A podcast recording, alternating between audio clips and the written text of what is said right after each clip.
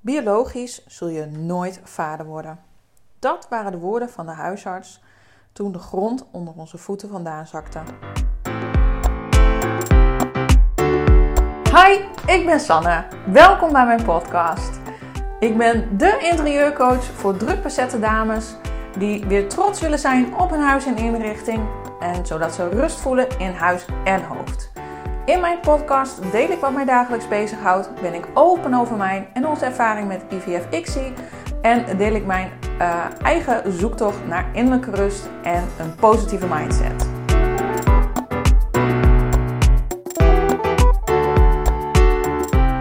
Een hele goede middag. Ja, middag of avond is maar net natuurlijk wanneer je naar deze podcast luistert. Um, zoals je misschien van mij weet, ben ik zelf gek op podcasts. Tot een uh, half jaar geleden wist ik niet eens, of iets langer geleden, wat een podcast nou eigenlijk is. En nu ben ik hooked. En eigenlijk vind ik dit zelf ook een hele leuke manier om mijn verhaal te delen. En het verhaal dat ik met jou wil delen vandaag is ons uh, fertiliteitsverhaal. Dus eigenlijk, um, ja, en waarom wil ik dat delen? Omdat ik um, heel vaak te horen krijg van Sanne, ik vind het zo knap hoe open je hierover bent. En uh, het is heel erg inspirerend. En um, ja, dus ik wil er graag even iets meer over vertellen waarom ik daar ook zo open over ben. En um, wat dat tot nu toe mij heeft gebracht. Nou, voor ik daar uh, begin, wil ik eerst graag even beginnen bij het begin. En dat is eigenlijk het moment um, dat wij hoorden dat we op de natuurlijke manier geen kinderen konden krijgen. En uh, daarvoor uh, we zijn natuurlijk niet toen we elkaar net kenden meteen begonnen aan kinderen. Maar uh, daar ging eventjes overheen. Maar we waren ook alle twee al wel op een bepaalde leeftijd dat we nou, zoiets hadden van. Um, we wisten inmiddels wel van wat we aan elkaar hadden. Het liep ook hartstikke goed. We gingen vrij snel samenwonen. En uh, we zoiets van ja, wij willen wel heel graag samen kinderen. En um, ja, natuurlijk, zoals de meeste mensen, ga je eerst uh, ja, zelf uh, proberen. En als dat niet lukt, dan trek je eens aan de bel. En de een die wacht daar hè, wat langer mee dan de ander. En dat maakt ook niet uit. Maar goed, wij natuurlijk ook. Um, in vol goede moed dachten we van nou, we gaan het gewoon kijken waar het schip strandt. Maar we zijn er klaar voor en komt het, dan komt het. En um, ja, na een half jaar uh, was het nog niet zo ver. En ik had eigenlijk um, meteen eigenlijk wel, ik dacht van, oh, weet niet of het wel goed komt. Want mijn cyclus is echt super regelmatig. Um, ja, die hield ik ook wel jaar en dag bij. En uh, ja, ja, ik had gewoon ook echt elke maand een cyclus. En die was rond de 28, 30 dagen. Dus uh, na een half jaar zei ik ook tegen Rodi van... Goh, um, moet je misschien niet eens naar de dokter? Ik vond het ook heel uh, moeilijk om te vragen of te zeggen. Omdat ik dacht van ja, weet je, voor een man is het toch wel... Ja, misschien wel anders dan voor een vrouw. Om um, ja, hè, te laten testen om te kijken of je zaadkwaliteit voldoende is. Um, dus toch misschien ook wat meer een ego-ding bij mannen. Nou, in ieder geval, ik vond het dus ook best wel spannend om tegen hem te zeggen. En de eerste keer ook dat ik het zei, toen woof hij het ook eigenlijk weg. En zei joh, maak je daar nou niet zo druk om. We zijn pas bezig. Um, en als we naar de huisarts nu gaan, dan zegt hij toch van ga eerst maar weer een half jaar proberen. Want je moet tegenwoordig eerst zelf een jaar proberen voordat je überhaupt een doorverwijzing krijgt. Nou, kortom, hij stond er niet voor open. En um, nou, toen heb ik nog eventjes gewacht en daarna dacht ik toch echt van ja, uh, ik heb een vermoeden. Um, ja, en dat wil je dan ook niet hardop uitspreken. Maar ik zei, nou, ik zou het toch wel fijn vinden als je even langs gaat. En dan kunnen we dat in ieder geval uitsluiten. Um, en uh, zo gezegd, zo gedaan. En eigenlijk uh, de week zeg maar dat we dus te horen kregen van hè, biologisch zullen jullie nooit ouders worden. was best wel heftig natuurlijk, of best wel heftig, dat was hartstikke heftig. Uh, ik belde naar de huisarts om te vragen uh, om de uitslag. Nou, die kreeg ik natuurlijk niet. AVG was toen nog niet echt een ding. Praten we over uh, dikke vijf jaar geleden ongeveer. En um, maar ze gaf mij de uitslag niet. Ze zei van nee, dat, hè, daar moet meneer zelf voor bellen. En ehm, ze deed ook heel vaag en ik kreeg er een beetje een raar gevoel bij. Ik dacht, nou dat weet ik niet hoor, het klopt niet.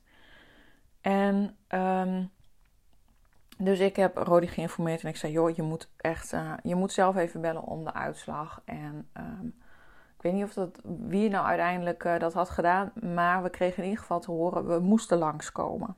Nou, 1 en 1 is 2. Dan denk je al van: Nou, hier, uh, dit, we gaan in ieder geval geen goed nieuws te horen krijgen.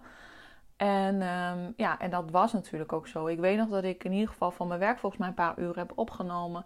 Want we wilden, ze zei van ja, je kunt overmorgen wel langskomen. Ik had zoiets overmorgen, overmorgen. Uh, we willen dan ook nu weten natuurlijk wat er aan de hand is. Dus um, uh, uren vrijgenomen en de dokter had ook nog wel ruimte. Aan het einde van de dag, mochten we komen. Dus wij naar de huisarts. En uh, ja, dat moment vergeet je gewoon nooit weer. En uh, we waren binnen en ze zei meteen tegen ons, of eigenlijk tegen Rodi van biologisch, zul je nooit vader worden. Nou, er werd dus een enorme bom even gedropt. En we waren ook alle twee gewoon stil. Als zoiets van, wat? Uh, hoezo? Ja, je verwacht nog een uitslag waarvan je denkt van oké, misschien kan er nog wat aan gedaan worden, maar niet meteen biologisch ga je nooit ouders worden.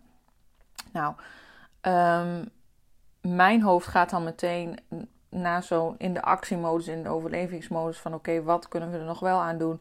Maar ze nou, ga maar denken aan, uh, aan adopteren of aan uh, uh, kunstmatige inseminatie via een donor. En nou, ik was helemaal overweldigend en Rodi ook van alle informatie. Dat je denkt, nou daar wil ik nog niet eens bij stilstaan. Nou, ik heb Rodi uh, eigenlijk nog nooit zien huilen. En als oud luchtmobieler is het enige moment dat hij um, ja, tranen in zijn ogen krijgt, is met de doodherdenking. Um, ja, en daarna vloeiden de tranen natuurlijk uh, enorm. En uh, ik weet nog ook dat mijn schoonouders meteen op de stoep stonden. En um, ik was dus meteen in de actiemodus. Ik ging meteen met Google Doctor aan de gang om te kijken van oké, wat zijn nog wel de mogelijkheden? En uh, Roddy was vooral gewoon heel erg verdrietig. En um, ja, ik kan me ook niet voorstellen hoe dat moet zijn als iemand tegen je zegt biologisch ga je nooit ouder worden. En er waren natuurlijk ook meteen angsten die speelden. Of misschien wel niet meteen, maar zo van ja, ga je dan bij me weg? Of misschien moet je maar bij me weg om uh, hè, iemand anders te zoeken die je wel kinderen kan geven. Nou, dat heb ik niet eens één seconde over nagedacht.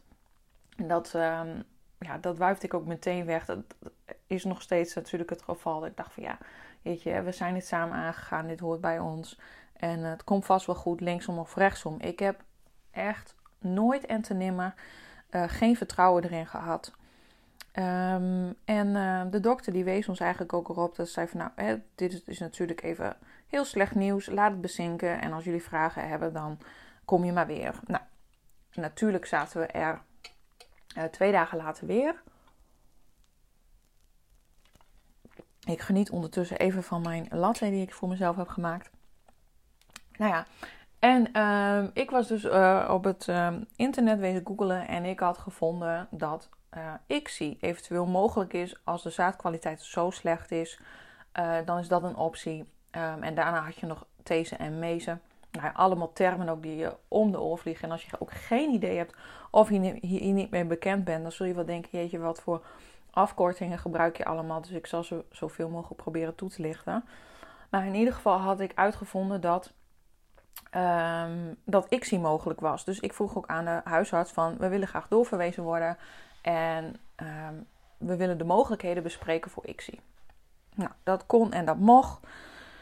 Maar we moesten vooral niet te veel hoop hebben. Nou, gelukkig, of nou ja, gelukkig zeg ik nu, konden we binnen drie weken terecht in het ziekenhuis, hier in het UMCG in Groningen. Um, die drie weken duurden natuurlijk verschrikkelijk lang. Je wilt zo snel mogelijk uh, aan de gang, want um, nou, dan ben je dus inmiddels al dik drie kwart jaar verder. Ik voelde in ieder geval uh, de tijd tikken. Uh, ik was 32 net geworden. En ja, mijn droom was eigenlijk altijd om voor mijn dertigste toch wel mijn eerste kindje te hebben. Ik heb ook altijd gezegd, ik hoop dat ik kinderen mag krijgen. Ik heb nooit gezegd, ik wil kinderen. Omdat ik op een, een of andere manier altijd wel heb aangevoeld dat het misschien niet van een leien dakje zou gaan. Ehm, maar goed, uh, we zaten dus drie weken later in het ziekenhuis. En gelukkig was daar een hele lieve arts, gynaecoloog, waar je dan eerst een gesprek mee hebt. Uh, die aangaf van nou, um, biologisch zult u nooit kinderen krijgen. Dat ligt wel iets genuanceerder. Dus dat was een enorme opluchting. Um, en we hebben uiteraard daarna ook nog aan de huisarts aangegeven dat ze dat eigenlijk gewoon ja, nooit had mogen zeggen. Want dat is natuurlijk, ja, dan, dan verlies je alle hoop.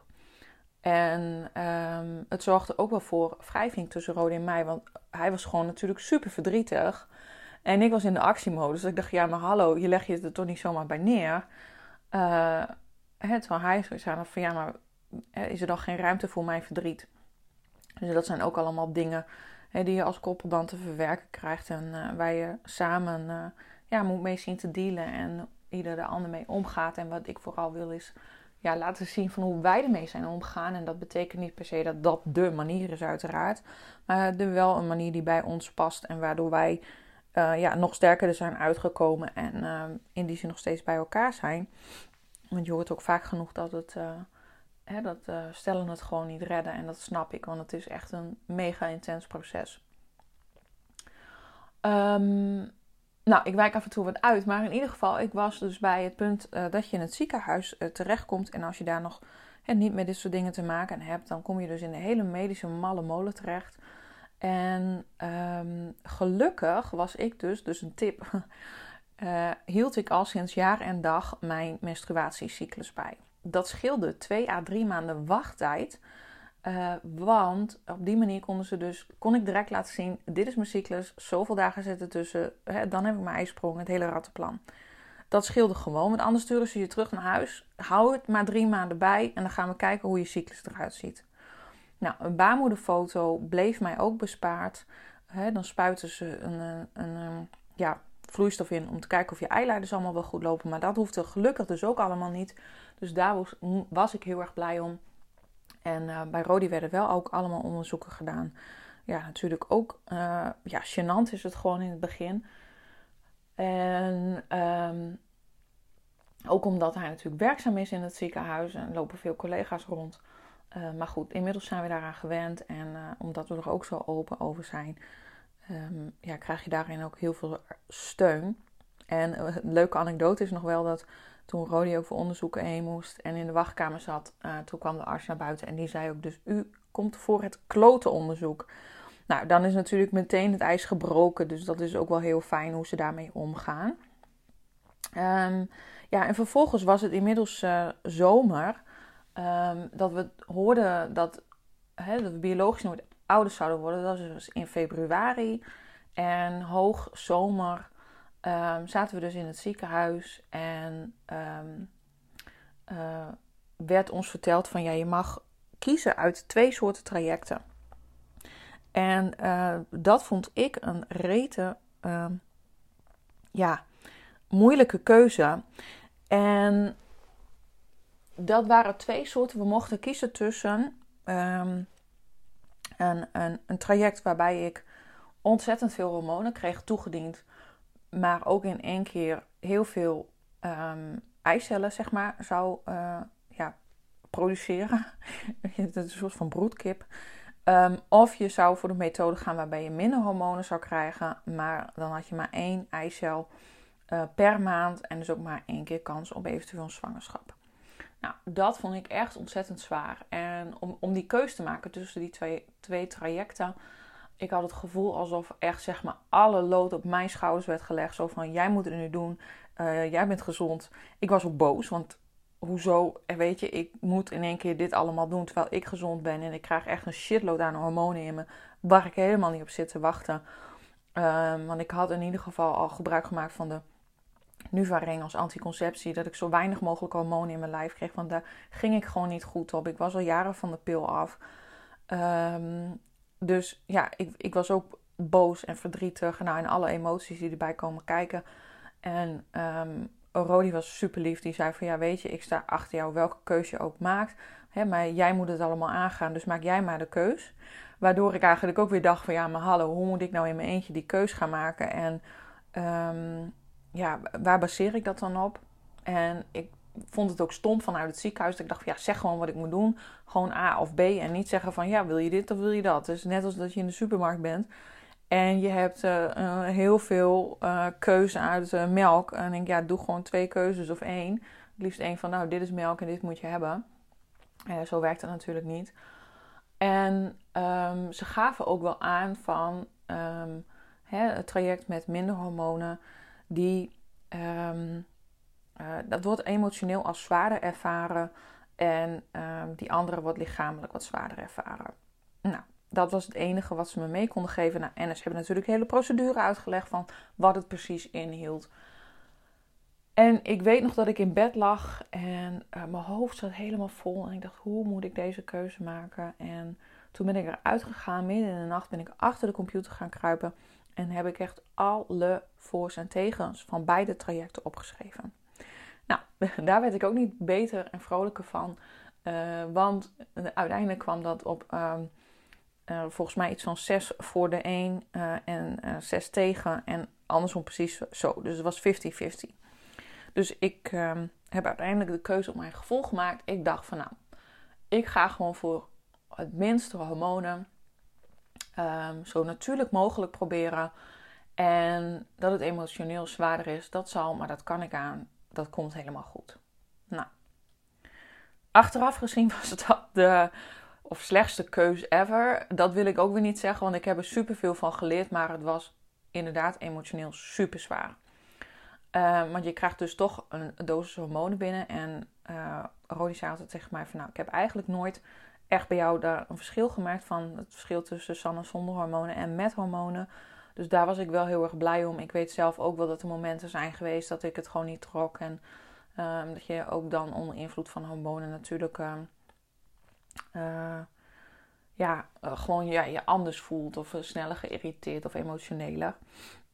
Um, en nou ja, dus we zijn voor dat traject gegaan dat je dus wat minder hormonen kreeg en meer of minder eicellen. En dan had je dus per maand één keer een punctie en één keer een kans op een bevruchting. Nou, en die puncties zijn echt hel. Als je hier niet tegen kan, spoel dan vooral even verder. Want ik leg wel even uit wat het is, omdat ik gewoon ook graag wil dat je begrijpt wat er gebeurt. Mocht je hier ooit uh, voorkomen te staan, uh, dan hoop ik dat je deze podcast hebt geluisterd. Dat je een beetje weet wat je te wachten staat. Want ik had echt geen idee wat me te wachten staat. En misschien is het ook wel dat ik achteraf denk, misschien is het ook maar goed dat je van tevoren allemaal niet weet wat je te wachten staat. Want anders dan begin je er denk ik niet aan. Um, maar er wordt in ieder geval een mega grote naald naar binnen gebracht. Um, en die is wel 50 centimeter. En die gaat dwars door je vaginawand heen. Uh, en die prikt de eicel in. En je moet het zien als een... Ja, dat je eicel die zit zeg maar in een follikel. En die follikel is een ballon en in die ballon, daar zit een spelden prikje en dat is de eicel. Nou, en die ballon die prikken ze kapot met een naald en die zuigen ze leeg. Dus de vloeistof en ook de eicel, die hopen ze dan dat die meekomt. En ik zeg al hopen, want dat is dus niet gegarandeerd. Hadden ze ons van tevoren gezegd van het is niet gegarandeerd dat de eicel meekomt, maar in de meeste gevallen is dat zo. Nou, je raadt het al, bij mij was dat niet het geval. Um, dus de eerste punctie was mislukt, want ze hadden mijn follikel dus ingeprikt, maar zonder resultaat. Er was geen eicel meegekomen. En geen eicel betekent natuurlijk geen bevruchting. Um, dus dan heb je alle hormonen voor niets genomen. Dan kun je weer wachten, uh, twee weken wachten tot je volgende cyclus zich aandient. Om weer hormonen te nemen. En dan weer te hopen dat je dan wel een eicel meekomt. Um, en tussendoor zal ik het verschil nog even uitleggen tussen ICSI, dus IC of uh, ja, ICSI en IVF. Ehm, je hebt eigenlijk bij IVF is het zo dat uh, ook de bevruchting buiten de baarmoeder plaatsvindt. En uh, dan wordt de eicel samen met de zaadcel in een petrischaaltje gestopt. En dan zwemt de zaadcel gewoon nog naar de eicel toe. Maar bij ICSI is dat gewoon echt niet mogelijk. En Rodi zegt altijd een beetje gekscherend van... Uh, nou, bij mij uh, knikkenbollen ze alleen. En hebben ze gewoon niet de kracht om zelf te zwemmen. Dus dan worden ze met ICSI worden ze opgepakt en worden ze in die eicel gedrukt. Nou, en dan heb je een bevruchting. Dan gaan ze in de stoof. En een warme, hele grote nagemaakte baarmoeder bij wijze van. En als die voldoende gedeeld is, wordt het teruggeplaatst. Nou... Dat even heel procesmatig. Um, maar de eerste keer dat mislukte dus. Er kwam geen eicel mee, dus moest overnieuw. En um, de tweede keer kwam er, of de derde keer, ik weet het ook niet meer precies uit mijn hoofd. We zijn inmiddels alweer vier jaar verder, dus er is alweer heel veel gebeurd. Um, maar uh, kwam er wel een eicel mee. Ik werd zwanger en natuurlijk dolgelukkig. We dachten, ja jeetje, dit was echt een goede keus. toch gelukt om binnen een relatief korte tijd dan toch wel toch zwanger te worden. En um, helaas mondde dat uit in een miskraam. En daar heb ik intens veel verdriet van gehad. Um, ik was er namelijk van overtuigd dat dat een meisje zou zijn. En ik geloof in uh, pendelen. En misschien ja, zegt jou helemaal niks en is het uh, allemaal um, hocus pocus. Maar al vanaf mijn dertiende heeft ooit mijn tante het uitgelegd. Dan pak je dus een, een, uh, ja, een ketting uh, met een pendel eraan. Of echt gewoon een ketting die je om hebt met een hangertje. Die hou je langs je hand. Die beweeg je een aantal keer heen en weer. En hè, als, je, als je een rondje hebt, dan uh, is het een meisje. Um, en je hangt hem dan stil boven je hand. En dan gaat de naald of de, hè, de pendel vanzelf bewegen. Als je een rondje hebt, dan is het een meisje. En als het, twee, als het een streepje heeft, dan, heeft het, dan is het een jongetje.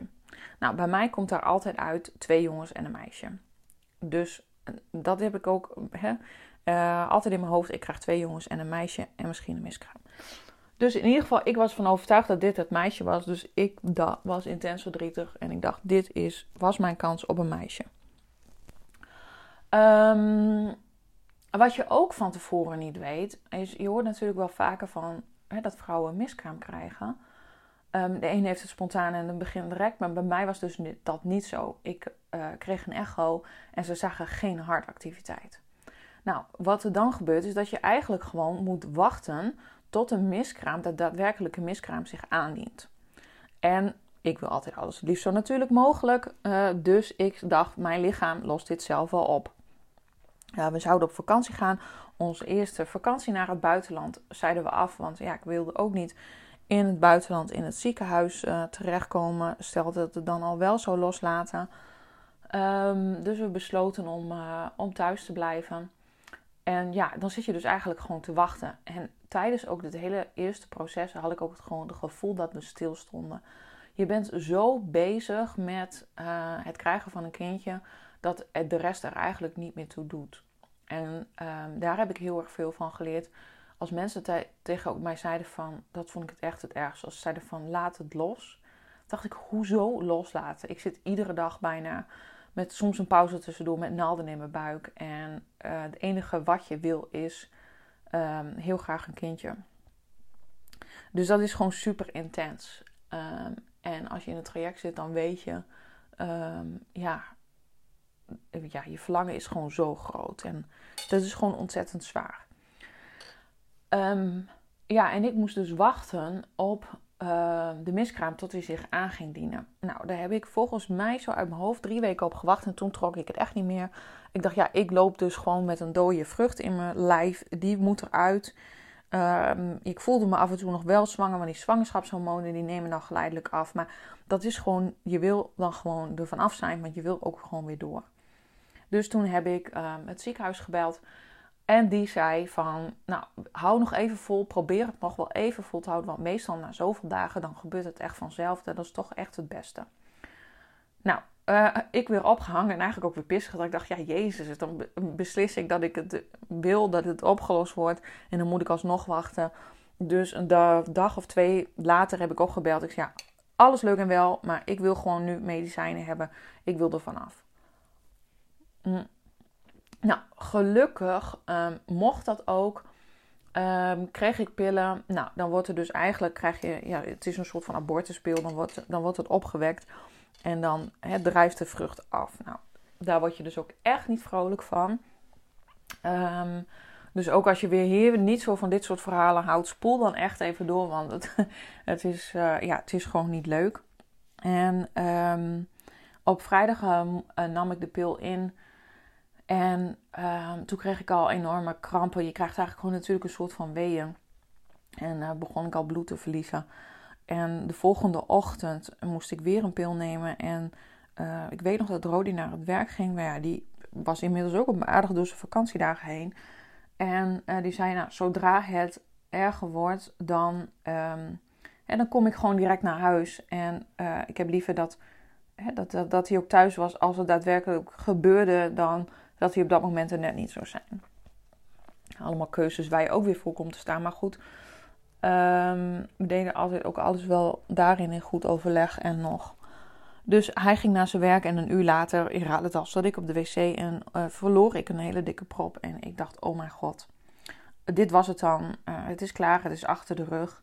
En daarna raakte ik ook vreselijk in paniek, want ik had het gewoon doorgespoeld. En ik dacht, nou, de, en, en toen dacht ik, oh mijn god, ik heb mijn kind door de wc gespoeld. Nou, allemaal emoties die daar weer dan weer bij komen. En um, ja, gewoon ontzettend heftig natuurlijk. En, uh, en Rodi kwam toen thuis. En uiteindelijk kreeg ik nog weer wat bloedingen. Um, en daar zat het vruchtje bij. En het was wel heel bijzonder, want je zag de navelstreng en alles gewoon al zitten. Ik was een week of acht zwanger.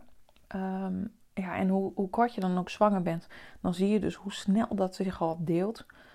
Um, ja, en Rodi vindt het altijd heel. Uh, die is altijd ook gebiologeerd en wil dat soort dingen echt ook altijd heel graag zien.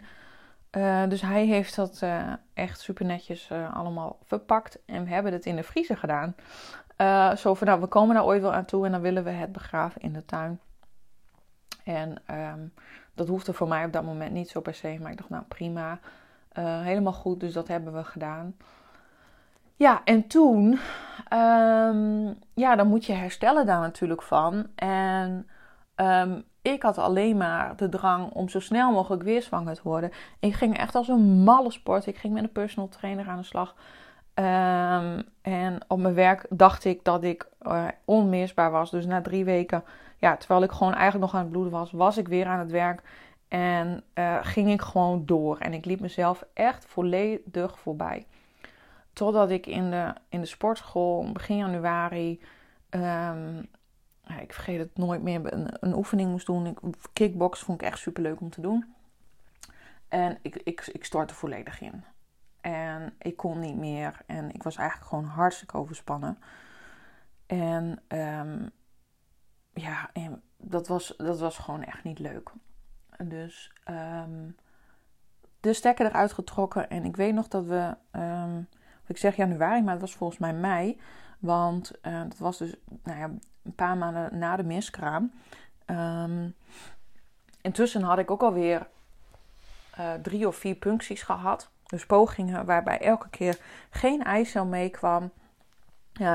En die puncties zijn ook wel echt een hel. Tenminste, ik vind ze een hel. Sommige vrouwen die vinden ze ja, uh, best wel meevallen. Um, dat is ook heel erg verschillend. Maar mijn ervaring is in ieder geval dat het echt niet fijn is. Um, ik was daarin ook weer heel boos, omdat ik wist dat je in Duitsland en België onder narcose mocht. Dat mag je in Nederland niet, want daar hebben ze daar zo hun beweegredingen voor. Zeggen ze ja, narcose heeft toch weer iets meer risico's. Nou, ik heb al vanaf mijn puberteit ook wat uh, problemen met uh, mijn bekkenbodemspieren, waardoor eigenlijk die altijd op spanning staan en het juist heel lastig voor mij is om die te ontspannen. Um, ja, en als je dan, je kunt je voorstellen dat je als je een hele gespannen hè, spier, hè, dat daar een naald doorheen moet, ja, daar word je gewoon niet vrolijk van. Ik kreeg dan een beetje dormicum, daar moest ik het mee doen. En dan was het maar tanden op elkaar, zo voelde het voor mij. En, uh, en ga met die banaan, nou, dat, dat was echt een hel.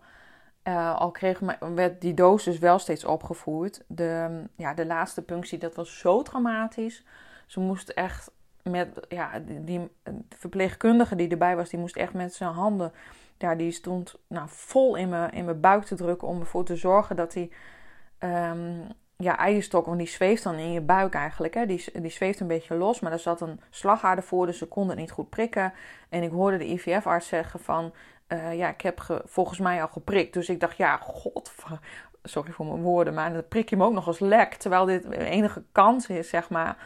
Uh, dan prik ze mis. Ja, en zij kunnen er natuurlijk ook niks mee doen. Maar het was gewoon alles bij elkaar. Het was gewoon echt mega traumatisch. Dus toen had ik ook besloten: dit never nooit meer. Dit wil ik niet. Um, hoe ver kan je gaan? En um, Roos zei ook: we gaan, um, we stoppen ermee. Het is goed geweest voor nu. En we nemen een dikke, vette, lange pauze. We gaan op adem komen. En toen was het kermis in de stad en ehm, we gingen in de achtbaan. En pas later, dat was heel leuk, was, hebben we een foto daarvan, was heel ironisch eigenlijk. Want je zit natuurlijk in een mega achtbaan qua emoties en alles. En we zijn ook beide in die achtbaan gegaan na dat gesprek dat we hadden besloten: oké, we stoppen ermee, we trekken de stekker eruit. En uh, als ik me goed genoeg voel, dan gaan we pas weer verder. Uh, dus dat was ook wel een heel mooi moment, zo'n mijlpaal van dat je samen ja, uit de achtbaan stapt, maar dan in die achtbaan zet. En dat je ook denkt van later, jeetje, dat was echt een achtbaan.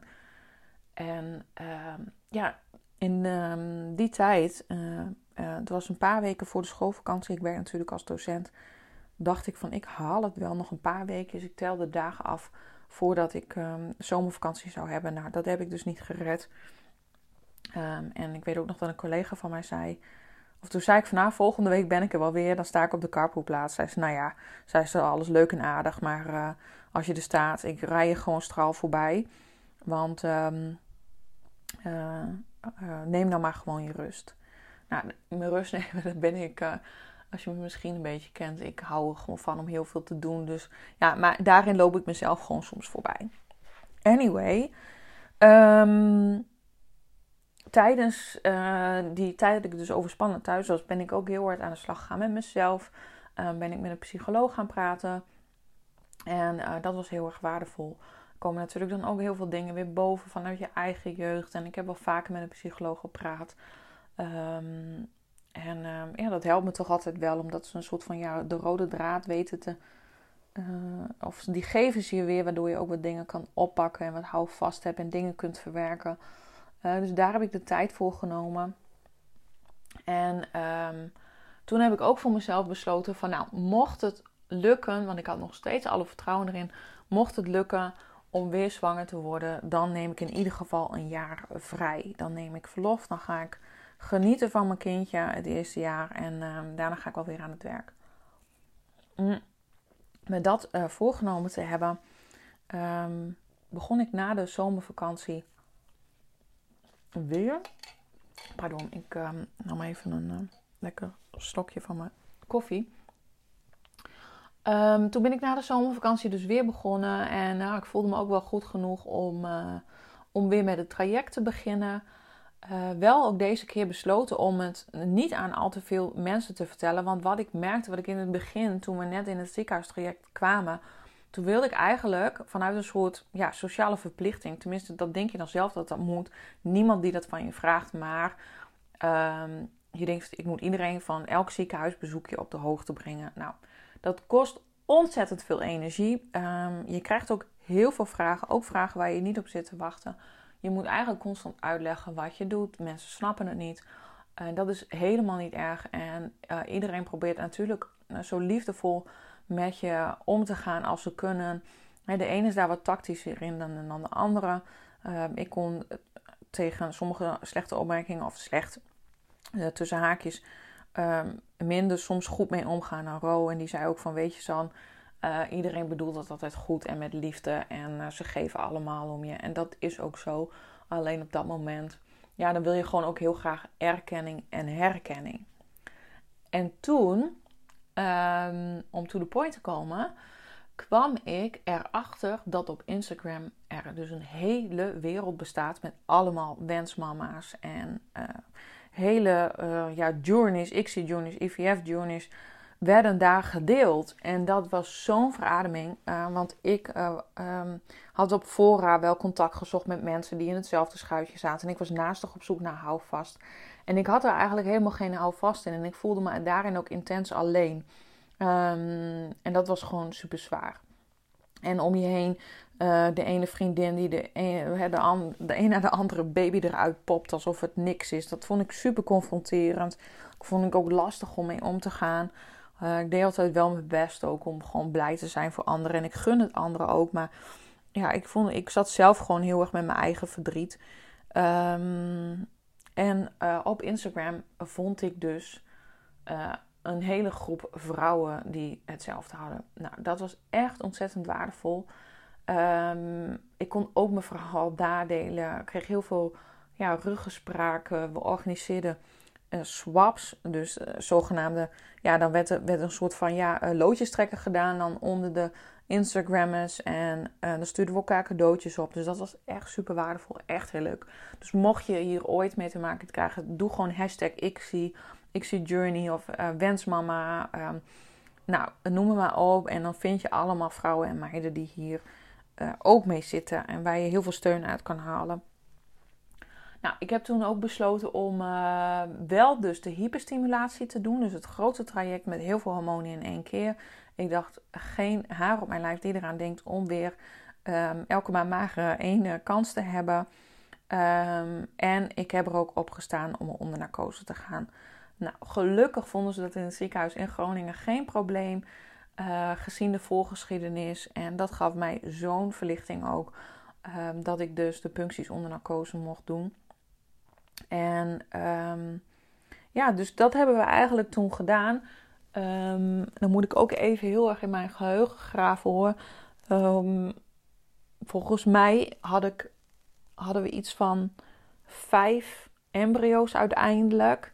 Uh, die in de vriezer gingen. En een verse terugplaatsing. nou, de verse terugplaatsing, uh, die lukte niet. Terugplaatsingen doen overigens geen pijn. Uh, dat is allemaal heel fijn. Het meest spannende is eigenlijk wel dat ze na de punctie je gaan vertellen dus hoeveel eicellen ze hebben gepuncteerd. Um, ja, en ik had er zeven geloof ik toen. Um, in mijn ogen was dat vrij weinig, omdat heel veel vrouwen wel, nou, wel soms wel veertien of zo hadden. Maar goed, dat is ook allemaal maar um, Hè, uh, vanuit je eigen perspectief wat veel of weinig is als je daarin zit. Maar ik vond het toen wel vrij, vrij weinig, weet ik nog. Uh, ik had in ieder geval zeven eicellen die waren gepuncteerd. En dan hoor je twee dagen later hoeveel daarvan geschikt zijn om. Um, hè, of hoe, hoeveel daarvan zijn gedeeld. Hè, want dan is het natuurlijk we zeggen dat een beetje gekscherend. Maar Rodi moet dan natuurlijk naar de rukbunker. Die moet zijn donatie doen. En uh, ja, nou, dan gaan ze het bij elkaar brengen. En uh, dan hoor je dus twee dagen later hoeveel daarvan bevrucht zijn. Nou, in dit geval was het vijf. Oh ja, en dat is trouwens ook nog bij dat andere proces. Als je dus dan maar één eicel hebt. Um, ja, dat is natuurlijk rete spannend dan of die überhaupt dan bevrucht raakt. En dan bellen ze. En als het labje belt, dan is het goed nieuws. En als een verpleegkundige belt, is het slecht nieuws. Dus dat telefoontje, die 24 uur, uh, vond ik ook altijd heel erg spannend. Maar anyway, bij de eerste uh, hyperstimulatie hadden we dus um, uiteindelijk vijf embryo's. één verse terugplaatsing. Um, dat is niet gelukt, toen werd ik gewoon ongesteld. En de tweede terugplaatsing, um, ja, dat was, uh, dat was raak. Dat was Tycho. Dus dat was super mooi. En dan hadden we nog of nee, dat, dat lieg ik trouwens. Dat is helemaal niet waar. We hadden. Nou ja, maakt er niet uit hoeveel het precies waren qua getallen. Maar de laatste poging. Of de laatste ijsel die we hadden. Um, was Tigo. Daarna was het op. We hadden niks meer in de vriezer. Dus ik wist in ieder geval: oké, als we ooit een broertje of zusje voor hem willen. Dan. Uh, dan moeten we weer uh, dit hele proces doorstaan. Maar goed, dan weet je in ieder geval wat je te wachten staat. En uh, nou ja, dus um, ja, negen maanden later, eh, oktober 2018, uh, ben ik bevallen van uh, onze prachtige zoon. En zijn naam betekent geluk. Hoe mooi kan het zijn? dat wisten we niet toen we zijn naam kozen. Dus dat is wel echt ja, heel mooi. En um, ja, ik ben er dus ook zo open over, omdat ik gewoon zelf dat zo heb gemist in dat eerste jaar dat wij ermee bezig waren, had ik zo graag vrouwen om me heen gewild die er ook zo open over waren. En over wat je allemaal te wachten stond. En ik ben zo blij dat dat taboe uh, steeds meer doorbroken wordt. En dat er steeds meer vrouwen over durven te praten. En als je er ook over praat, dan merk je ook hoeveel um, stellen hiermee te maken kregen. Dat 1 op 6 heeft gewoon vruchtbaarheidsproblemen. En uh, eh, 1 op de 10 kinderen in een basisschoolklas is via, eh, via IVF. En dan kun je een hele ethische discussie over hebben of dat wel of niet verantwoord is. Uh, het maakt mij niet uit. Ik ben in ieder geval er ontzettend blij mee dat die mogelijkheid er is. Um, en het heeft mij dus ook zo ontzettend veel gebracht. Want in het jaar dus dat ik thuis was na de bevalling um, en ik kon gaan genieten van uh, was ik met zijn, of daarvoor natuurlijk al, want de kinderkamer had ik natuurlijk, als je mij kent, al ruim op tijd klaar. Dat vond ik super leuk om te doen. En uh, ik wist in mijn hoofd precies hoe ik het hebben wilde. Ik wilde zwart met goud en het moest een strakke, mooie kamer worden. Die warmte uitstraalt en waar hij zich geborgen en veilig voelt. Uh, maar ook een kamer die gewoon op, eh, iets langer termijn nog steeds mooi zou zijn. En dat was me gelukt en daar was ik zo onwijs trots op. En um, ja, ik heb echt, ja, gewoon de tranen schoten mij in de ogen toen ik het, eind, eindresultaat was en toen dacht ik, ja, dit is wat ik leuk vind. Dit is wat ik kan. En ehm, ja, daar heb ik mijn uh, vak en mijn beroep van gemaakt. Nou, en hoe dat uh, zich helemaal heeft ontwikkeld, daar ga ik een andere keer over vertellen. Maar uh, dat heeft mij het in ieder geval gebracht. Um, hè, rust in mijn huis en in mijn hoofd. En ook nu we weer eigenlijk midden in het traject zitten voor een broertje of zusje voor Tig uh, wat ook weer niet van een leien dakje gaat. Dat ik op dit moment aan het herstellen ben van een buitenbaarmoedelijke zwangerschap. En um, wat wel heel erg mooi is om te vertellen, is dat we inmiddels weten dat hij gewoon zusje uh, zou hebben gekregen. En um, dat geeft mij heel veel rust, omdat ik al net vertelde dat ik zoveel verdriet had van de eerste miskraan, omdat ik van overtuigd was dat dat het meisje zou zijn. Maar daar zat geen hartslag in. En uh, in dit wonder wel. En dat, dit was dus het meisje. Dus daarom heb ik ook, kan ik daar heel veel rust in vinden. Omdat ik vier jaar geleden zoveel pijn en verdriet ervan heb gehad. Um, en natuurlijk doet het nu nog zeer. Alleen het is goed. Ik weet dat ze bij ons is. En ik heb nog steeds alle vertrouwen in uh, dat hij dus een broertje, hoop ik, uh, ga krijgen. Of ja, voor hem in de toekomst. Um, en ook omdat ik dus de vorige keer heb geleerd dat ik te snel doorging, voorbij ging aan mijn gevoel. En um, nu heb ik ook wel snel de draad weer opgepakt. Maar omdat ik ook gewoon zo bezig ben met mindset en er open over ben. En dan, ja, je wordt ook wat gehard in het proces. Uh, en natuurlijk is het niet normaal dat je dit soort dingen eigenlijk allemaal normaal gaat vinden. Maar het hoort er ook een beetje bij. Uh, ik gun het niemand. Ik hoop echt dat je op een natuurlijke manier zwanger wordt en dat het allemaal van een leien dakje gaat. Maar um, ja, het heeft mij dus ook wel heel veel innerlijke rust gebracht. Um, uh, ook omdat je aan de ene kant natuurlijk ook met jezelf aan de slag gaat, met je eigen mindset. En daardoor ook um, ja, sterker eruit komt. Dus dat is ontzettend mooi. En ik hoop dat ik daarmee jou in ieder geval heb geïnspireerd. Um, ja, en uh, de volgende keer zal ik iets meer gaan vertellen over hoe ik daarom mijn dromen ben gaan waarmaken. En nog steeds achterna jaag. En hoe dat ook met vallen en opstaan gaat. Nou, ik hoop dat je met heel veel plezier naar ons verhaal hebt geluisterd. En um, laat het me even weten wat je ervan vond. Uh, dit is de allereerste keer dat ik een podcast opneem. Dus ik heb nog geen idee waar je eventueel een reactie kan achterlaten. Stuur me anders in ieder geval een DM via Instagram. Um, of als je nog vragen hebt. Of als je zelf met fertiliteitsproblemen hebt te kampen. En je wilde wat over uh, weten.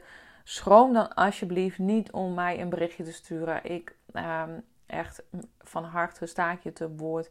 Uh, misschien kan ik je helpen ondersteunen in het proces of wat dan ook. Let me know. Um, voor nu een hele fijne dag, avond of nacht gewenst wanneer je dit ook luistert. En ik wens je al het goeds. Bedankt voor het luisteren naar deze podcast. Ik hoop dat je het inspirerend vond of dat je er iets aan hebt gehad. En deel het vooral in je stories of op je feed op Instagram. Ik vind het namelijk super leuk om te zien uh, wie er naar mijn podcast luistert. En vergeet niet vooral een review achter te laten via iTunes. Um, daar maak je mij in ieder geval super blij mee. Dankjewel. Doei doei.